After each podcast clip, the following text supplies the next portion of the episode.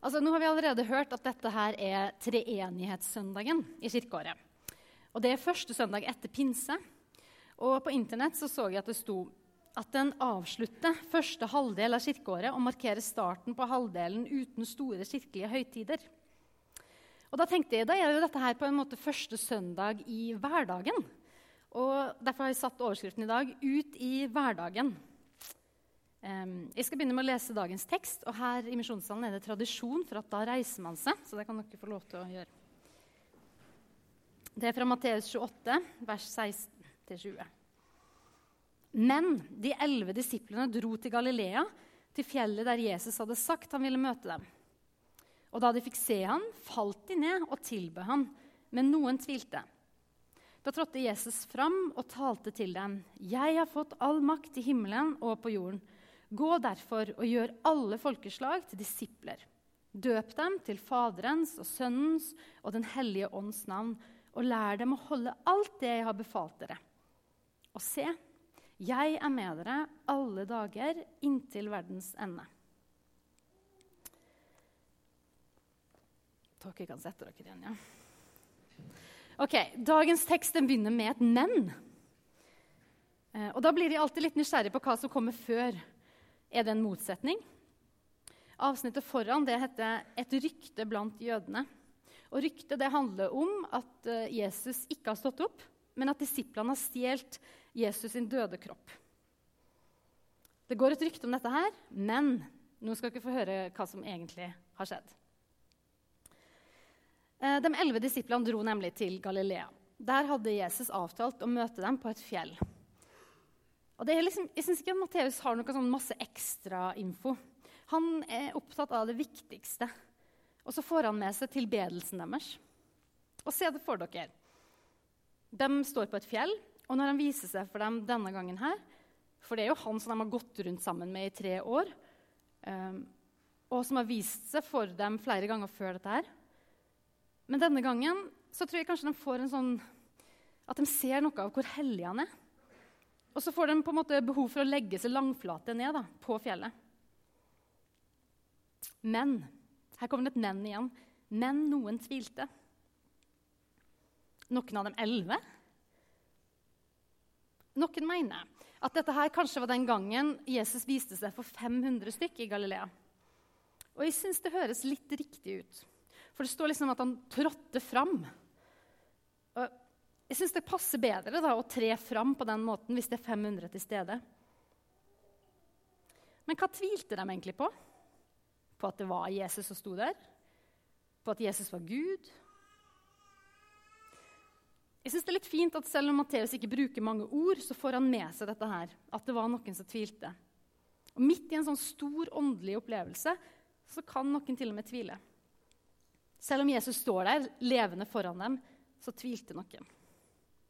Og så sier Jesus, 'Jeg har fått all makt i himmelen og på jorden.' 'Gå derfor og gjør alle folkeslag til disipler.'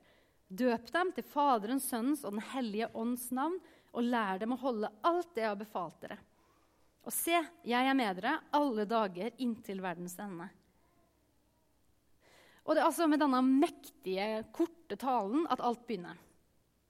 Sånn som nå kirkeåret går inn i den delen av året, uten jul og påske og pinse, så skal disiplene nå gå inn i hverdagen. Tida da Jesus har gått rundt i Galilea og Jerusalem sammen med dem, den er over. Jeg har ikke pleid å tenke på disse versene på denne måten her før. Og Jeg vet ikke hva slags assosiasjoner du har, men, eller hva slags forhold du har til Misjonssalen eller Norsk Luthers Misjonssamband, som vi er en del av. Jeg er vokst opp i NLM, og min opplevelse av bruken av denne teksten her, at den tar vi fram når det er fest. Denne teksten har betydd masse for mange folk. Disse versene har gjort at folk har snudd opp ned på livet sitt. Og så har folk sagt sånne ting som at det er ikke en anbefaling, men en befaling. Vi må gå. Og så har folk forlatt familie, menighet, slekt og venner. En trygg tilværelse. Gitt opp en karrieremulighet. Gått fra en setting hvor man var en sånn velartikulert person, til å lære et nytt språk som gjør at man er liksom klumsete og snakker som et barn i mange år. Pga. disse ordene her har mennesker dratt til verdens ende. Og Ofte så snakker vi om dette her som misjonen. Og jeg er så stolt av det jeg er med på gjennom misjonen. Tenk på at jeg får være med på med mine bønner, mine penger, mine venner som har reist til andre sida av jorda. Og så har jeg vært med på dette her som Jesus befalte oss til. Å gå og gjøre mennesker til disipler, å forsyne og døpe. Og selv om vi bor her i Oslo og har en helt vanlig jobb, så er jeg liksom med. da. Med fordi at jeg gir kollekt her, eller til fast givertjeneste. Og så er jeg med ved å be for dem som strategisk har valgt å bo og jobbe et sted hvor det er aller flest muslimer. For at også dem som bor der, i en by hvor så mange ikke har peiling på hvem Jesus egentlig er, men som bare tror at han er en profet. I dagens globaliserte og, kanskje litt sånn opplevelsesorienterte verden så kan jo dette oppdraget her kanskje til og med høres litt sånn forlokkende ut jeg opplever mange, og kanskje spesielt unge i dag, de er ute etter liksom, tegn og, uh, på hvilken retning de skal ta i livet. Jeg tror det handler litt om at vi har så utrolig mange valgmuligheter. Og da kan man kanskje ta denne teksten her og tenke ja, dette er mitt, min tekst og mitt kall. Det bygger på den her. Men dette kallet det er ikke noe vi kan velge å forholde oss til eller ikke. Det var ikke bare for noen utvalgte. Det ligger en litt sånn selvforsterkende greier i det òg. Fordi eh, han sier jo 'jeg befaler dere', og lærer dem alt jeg har befalt dem. Så uansett om det var 11 eller 500 til stede, så var det meninga du skulle gå videre. Men den viktigste grunnen for at ikke vi kan velge hvordan vi skal forholde oss til denne teksten, det er jo hvem som sier dette her. Ok, Jesus har levd i ca. 33 år. Han har gått rundt omkring i Galilea og vært eh, noen turer til Jerusalem. Eh, han har gjort under, eh, fortalt mange lignelser som folk forsto godt, og noen de ikke forsto så godt. Og så kulminerer hele greia i en stor finale i Jerusalem. Den ene dagen så rir han inn på en esel som en litt sånn annerledes helt. Den andre pint, korsfesta, død. Og så står han opp igjen.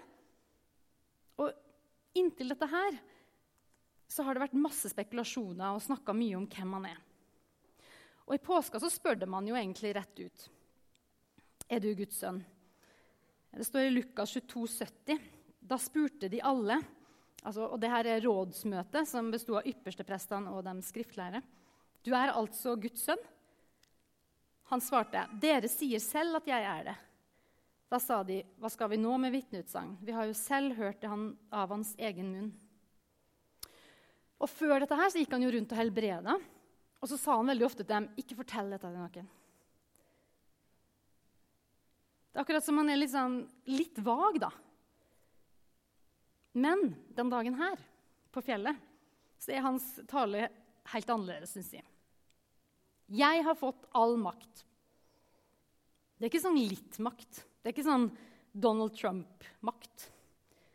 Det sies sånn at han er kanskje en av verdens mektigste. Men det er ganske begrensa, den makta han faktisk har. Han har på ingen måte all makt.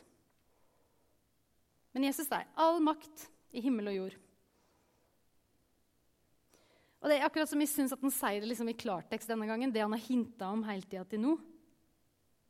Jeg er Gud. Og så er det jo ikke så rart at mange tvilte. For det er jo sånn at det er ikke så mange som kan si dette her uten å være klin gale. Jeg kommer på tre stykker som kan si det. Jesus, altså Guds sønn. Vår far, eller Faderen med stor bokstav. Og så Den hellige ånd, som vi feira forrige helg. Og så er det jo nemlig treenighetssøndagen. Og denne treenigheten den er vanskelig å få tak på. Der står tre er tre, det er ikke Den hellige ånd som blei menneske og som gikk rundt på jorda og spiste mat.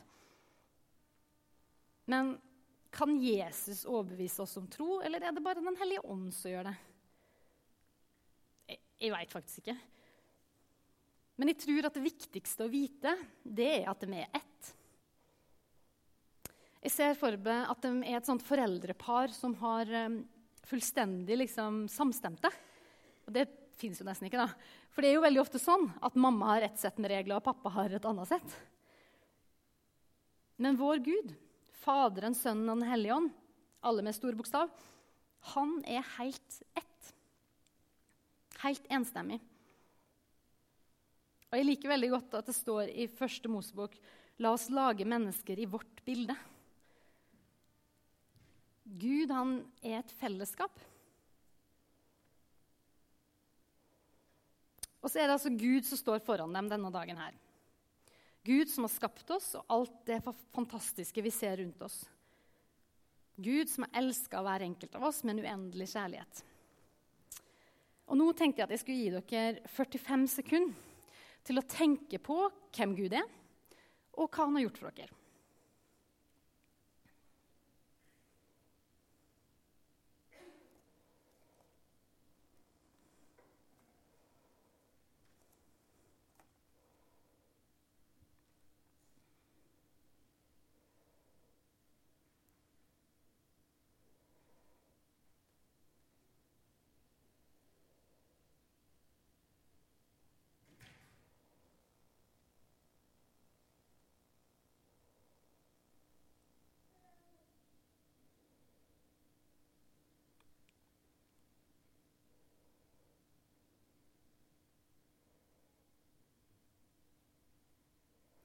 Ok, Til du som ikke klarte å tenke på Gud, men som tenkte på det sjøl.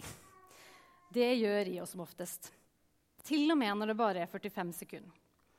Da jeg var sju år, eller kanskje jeg var åtte, så starta jeg min første misjonsaksjon.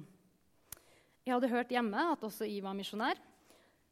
Eh, jeg hadde hørt at det viktigste vi kunne gjøre, var å fortelle andre om Jesus, slik at de må kunne bli med til himmelen. Og så hadde vi en leikehytte på skolen i Japan der jeg gikk. Den var skitten. Vi brukte alle våre ukepenger på godteri.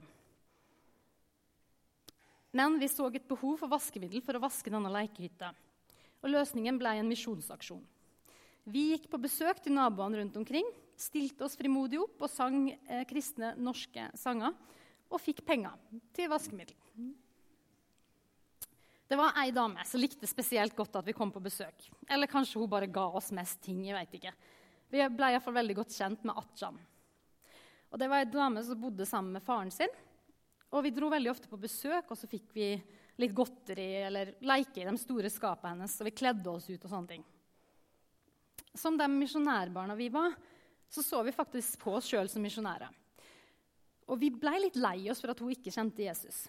Så jeg og venninna mi vi kjøpte en bibel vi og ga henne. Og Noen år etterpå at vi hadde flytta derfra, så hadde vi litt kontakt med henne. Men jeg veit ikke hvordan det gikk med henne eller om hun blei kjent med Jesus. Og Sånne historier har jeg egentlig ganske mange av. Om at jeg er mest opptatt av meg sjøl, eller at jeg har fått et eller annet for meg, da, som at jeg skal vaske en lekehytte. Men så fikk jeg kanskje dele noe om hvem Jesus er allikevel. Men så veit jeg ikke hvordan det gikk. Venner jeg fikk på studiet fordi de var gøy å være sammen med, som jeg kanskje fikk sagt noe om hva jeg trodde på til. Ja, Jesus er kanskje litt for deg slik som seiling er for meg. Jeg kan ikke leve uten seiling. Og så har de forstått noe, liksom. Men jeg kan på ingen måte si at de har gjort dem til disipler. Eller den gangen vi snakka om påska på, på, jobb, og hvorfor vi hadde feira påske. Og han som var sjefen min da, sa at liksom, alt i Bibelen er bare eventyr. Og det eneste de klarte å si, var at historien om påska er jo verdens mest dramatiske og spennende historie. Jeg vet ikke når jeg hørte dagens tekst første gang, men jeg tippa at det er 30 år siden. Da. At jeg var kanskje sju år. Så jeg har hatt dette oppdraget her da, i 30 år. Jeg føler meg litt mislykka. Jeg. jeg føler at jeg ikke får det helt til. Å gjøre folk til disipler. Å døpe folk. Jeg føler ikke engang at jeg klarer å lære mine kristne venner hva Jesus har befalt oss. Kanskje disse versene ikke er for meg. Kanskje de passer bedre til andre. Kanskje det er bare tull at jeg er misjonær. Kanskje jeg er bare et helt vanlig menneske. Ok, Vi må gå litt tilbake til det dere tenkte på disse 45 sekundene. Når dere klarte å tenke på Gud. For det er ett ord som er veldig viktig i dagens tekst, som vi tror kanskje vi glemmer noen ganger. Og det er derfor. For svaret på hvorfor misjon, det er derfor. Jeg har fått all makt i himmelen og på jord. Derfor. Fordi Jesus sier det. Fordi Jesus er Gud. Fordi at alle mennesker skal få lov til å oppleve at han er Gud. Og alt det dere tenkte på i stad. At alle skal få være med å tilbe han. Ikke fordi at jeg er noe. Ikke fordi at jeg er en misjonær, eller fordi jeg klarer å gjøre folk til disipler. Men fordi Jesus er Gud, og han kan. Og han kan, og han vil. Og han har all makt. Men hvor er vår rolle her, da? Jeg hørte en undervisning om denne teksten her, hvor han, hvor han som underviste, forklarte litt av dette ordet 'gå', som er brukt eh, her, egentlig betyr. Den nyeste oversettelsen den har ikke med 'ut' lenger. 'Gå ut'. Og egentlig så står det ikke 'ut', sa han da, på gresk heller. Og slik jeg forsto han, så står det egentlig på en måte ikke 'gå' heller. For 'gå' det står i sammenheng med 'gjør'. Eh, gå og gjør. Gå det er en konsekvens av at vi skal gjøre. Og for å gjøre så må vi gå. Jeg syns egentlig dette her ikke blei så mye enklere, for det er nesten enklere for dem å gå. da. Gå klarer jo på egen hånd.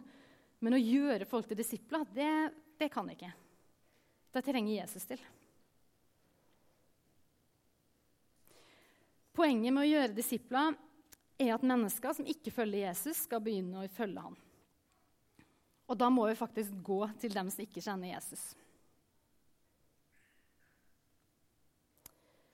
Og Det at det står at vi skal gå, det handler jo om at vi må gå ut fra stua vår, fra fellesskapene våre, fra menigheten vår.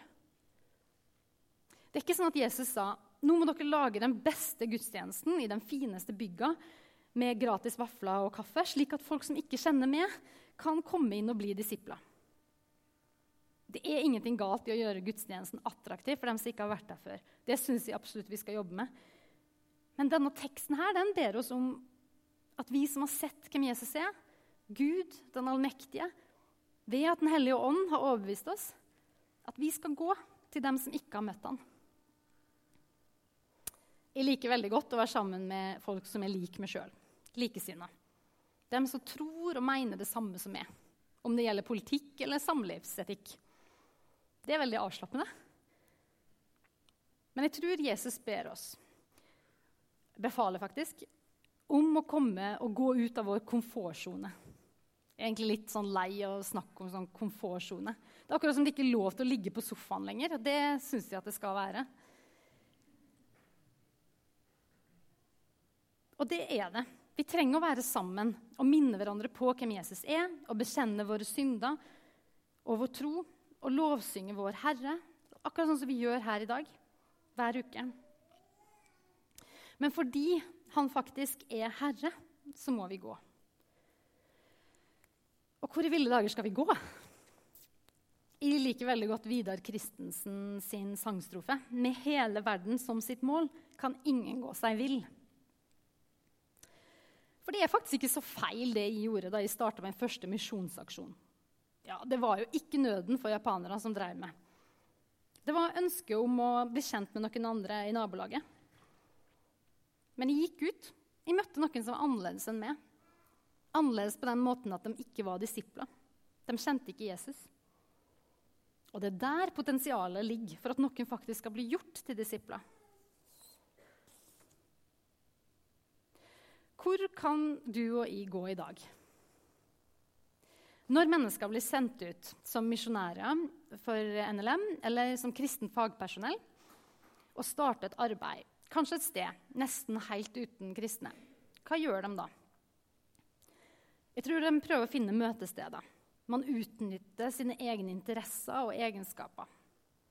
Sånn som jeg hadde en agenda om å få tak i vaskemiddel til å vaske en lekehytte og snakke japansk og bli kjent med nye folk. Veldig mange av oss som går her i misjonssalen, vi bruker mye tid på kristent fellesskap og tjeneste. Og det er skikkelig fint. Men kanskje skal vi tenke like strategisk på tida vår som våre utsendinger langt borte gjør. Hvor kan jeg gå? Kan jeg dyrke en idrett, en hobby, sammen med noen som ikke tror på det samme som meg? Og så tror jeg at vi fort kan føle oss mislykka. Jeg gjør i hvert fall det. Men det er jo litt sånn det skal føles når man er utafor komfortsona si. Og det er det Jesus har bedt oss om. Og så har han kommet med løfter. Løfter om å være med til jordens ende. Helt til han kommer igjen, vil han være med oss. Og jeg tror at Det også betyr at vi skal slippe å tenke hele tida hvordan kan gjøre dette mennesket her til en disippel. Jesus har kontroll. Han har først og fremst bedt oss om å plassere oss et sted, slik at han kan bruke oss. Og siden han har hele verden som mål, så kan vi ikke gå oss vill. Så velg gjerne noen du liker å gå til, noen du har noe felles med. Om ikke du har troa felles med dem. Og så tror jeg at vi har veldig godt av det. Bare for vår egen del òg. Det er akkurat sånn at når vi møter mennesker som ikke tror, så ser vi enda bedre hvem Jesus er, og hva han har gjort for oss. Og så sitter du kanskje her og hadde sett på forhånd at dette her var teksten i dag, og hadde håpt å få um, et kall til misjon til unådd folkeslag, eller at de skulle snakke mye om det. Og så har jeg kanskje snakka mest om det å være hverdagskristen. Men det, det er ikke noe motsetning. Jeg mener at det forrige søndag ble sagt at uh, det fortsatt er 40% av verdens befolkning som ikke har hørt. Og så kan vi gjøre noe med det. Punkt nummer én er kollekt. Nå etterpå skal vi eh, samle inn kollekt. Jeg leste her om dagen at sterk kronekurs gjorde at det var dyrere å drive misjon i mange land. Og Jeg er ikke så veldig god på økonomi, så jeg ble veldig usikker om sterk kronekurs betyr at det går godt eller dårlig i Norge. Men uh, uansett så er det jo veldig mange av oss som har god råd, og som har jobb. Og Derfor så tenker jeg at kanskje vi skal ta oss og grave litt ekstra hardt i lommeboka i dag. Og gi penger igjen. Slik at vi kan fortsette å gjøre disipler på andre sida av jorda. Blant mennesker som ikke enkelt kan oppsøke en kirke. Og som kanskje ikke kjenner noen andre kristne enn våre utsendinger. Og så nummer to, kanskje. Du kan faktisk gå langt. Og kanskje du skal snakke litt med Jesus, Den hellige ånd, vår far, neste gang du setter deg ned og har en stund og leser Bibelen. Om du kanskje skal gjøre noen større steg i livet. Kanskje skal du ta med dine erfaringer, dine interesser, din familie og dine evner og flytte til et sted hvor det bor et flertall av disse som ennå ikke er blitt disipler. Og så Kanskje du tenker at du er for ung eller for gammel. Og så er jeg sikker på at Jesus ikke syns det. For han sier å se, jeg er med dere alle dager inntil verdens ende. Og det betyr hele våre liv. Jeg skal be litt til slutt. Jesus, jeg takker for at du er Herre, at du er Gud, og at du ikke har skjult det for oss. Jeg ber om at vi må få forstå at du har all makt. Og så takker for at du har lyst til å bruke oss. Og Jeg ber om at du må lede hver enkelt av oss, så vi kan få lov til å være med på ditt oppdrag på forskjellige måter. I ditt navn. Amen.